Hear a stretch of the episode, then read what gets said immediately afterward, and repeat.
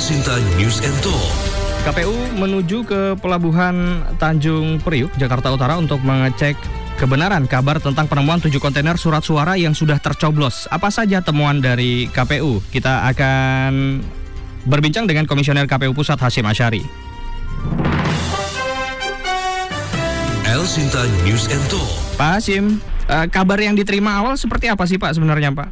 Jadi ada tiga sumber lah ya Hmm. medianya itu. Satu ada laporan-laporan yang di forward ke kami berupa voice suara ya, recorded suara, rekaman suara yang menyampaikan kabar seolah-olah ada sekian kontainer isinya surat suara pilpres yang sudah dicoblos Hmm. untuk pasangan calon 01 dan rupa-rupanya ini viral karena kami mendapat informasi itu dari teman-teman wartawan, dari teman-teman eh, apa yang peduli dengan pemilu begitu. Hmm. Kemudian yang kedua juga ada Twitter dan kemudian mulai rame di Facebook. Nah, ini bagi kami eh, tidak bisa ditunda-tunda mas untuk ngecek kebenaran informasi itu. Hmm. Kami ini eh, dipimpin oleh Pak Ketua KPU eh, menuju ke Polres Pelabuhan Tanjung Priok dan dia juga di Tanjung Provinsi Tanjung Priok untuk melacak kebenaran informasi tersebut. Hmm. Karena kalau disebut tujuh kontainer itu kan nggak sedikit mas. Iya. Dan begitu ada orang ngomong gitu kan eh, apa namanya eh, asumsinya ya orang kan sudah melihat menyaksikan. Nah pertanyaannya kan benar atau tidak. Makanya kita konfirmasi kepada otoritas yang eh, pihak yang punya otoritas tentang hal itu di pelabuhan, Hmm.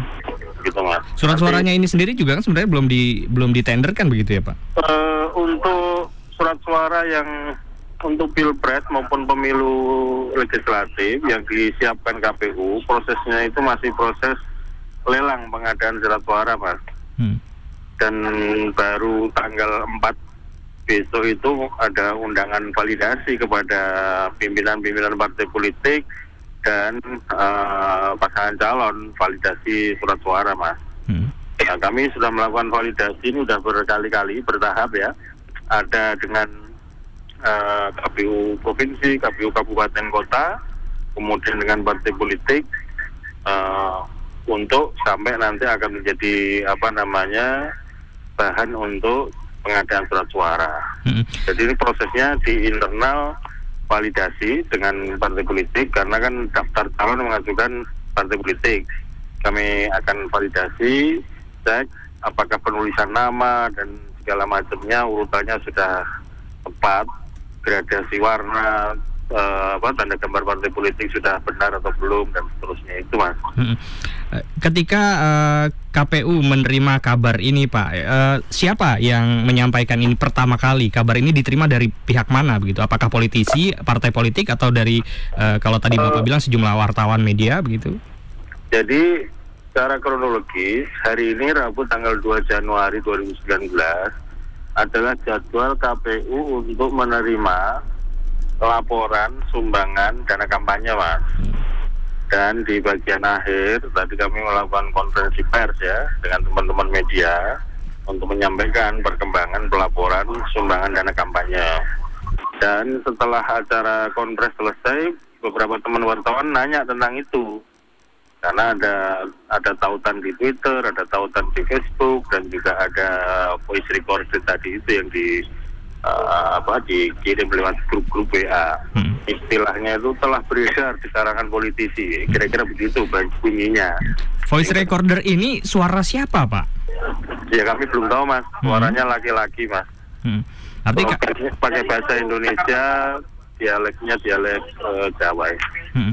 Eh, kami konfirmasi lagi, artinya ini belum belum dapat dipastikan apakah benar ada tujuh kontainer surat suara yang tercoblos tadi, begitu ya, Pak ya? Belum mas. Hmm.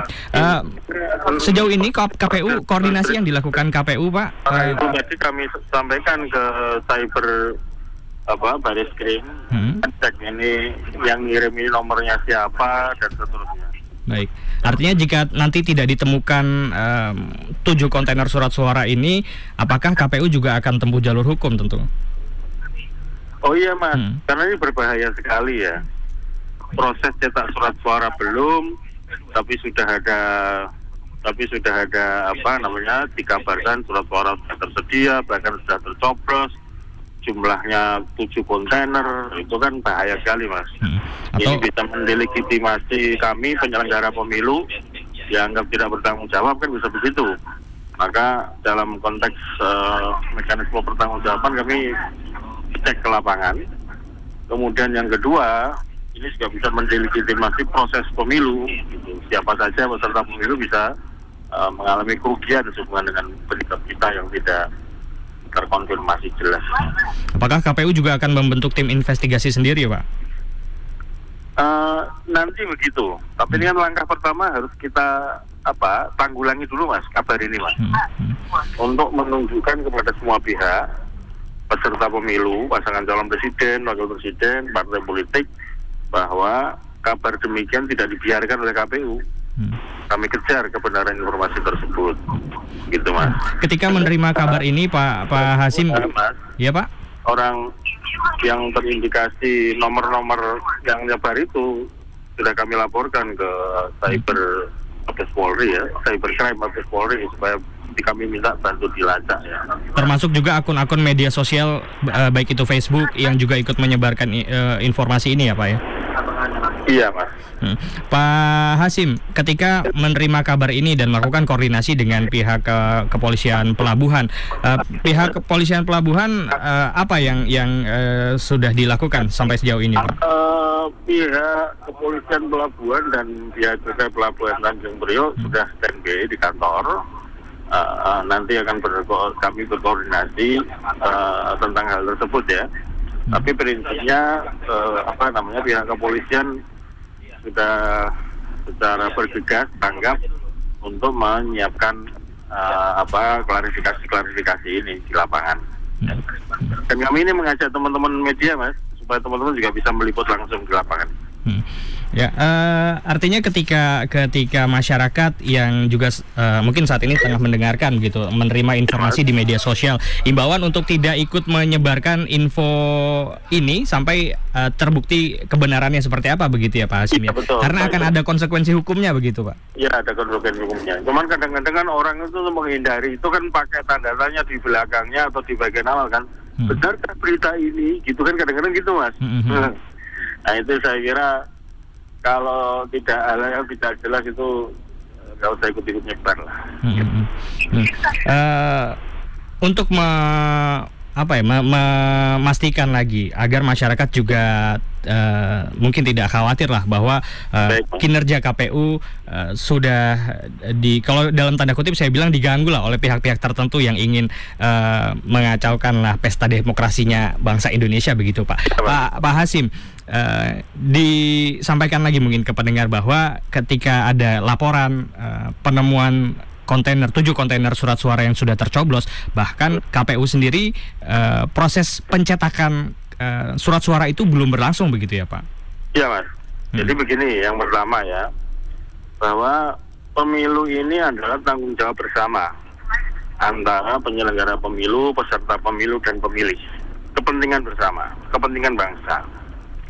Yang kedua, yang melakukan tata kelola, memanage, menyelenggarakan pemilu adalah KPU yang ditugaskan oleh undang-undang untuk menyelenggarakan ini. Nah, oleh karena itu salah satu hal prinsip penyelenggara pemilu adalah bekerja dengan tanggung jawab.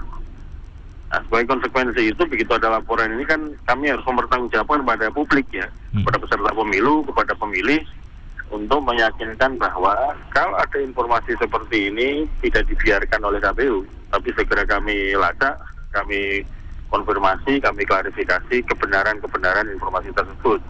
Yang ketiga, sehubungan dengan informasi ditemukan tujuh kontainer surat suara yang isinya surat suara dan sudah dicoblos eh, untuk pasangan calon tertentu. Itu kami sampaikan bahwa pada prinsipnya untuk surat suara pemilu KPU sedang proses pengadaan. Artinya, artinya masih proses lelang Hmm. dan bahkan untuk eh, apa surat suara DPR RI dan Pilpres itu besok Kamis pagi besok, Kamis siang besok kami masih validasi dengan tim eh, eh, Jumat tanggal 4 sorry. Hmm.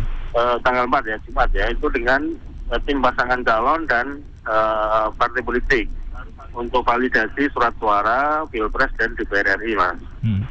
Nah oleh karena itu kepada masyarakat luas siapa pun kalau mendengar mendapatkan tautan kiriman berita-berita tersebut mohon untuk tidak disebarluaskan karena kebenaran informasi yang termuat di dalam uh, apa uh, suara ataupun link berita tersebut atau tautan-tautan media sosial itu uh, belum tentu kebenarannya ya.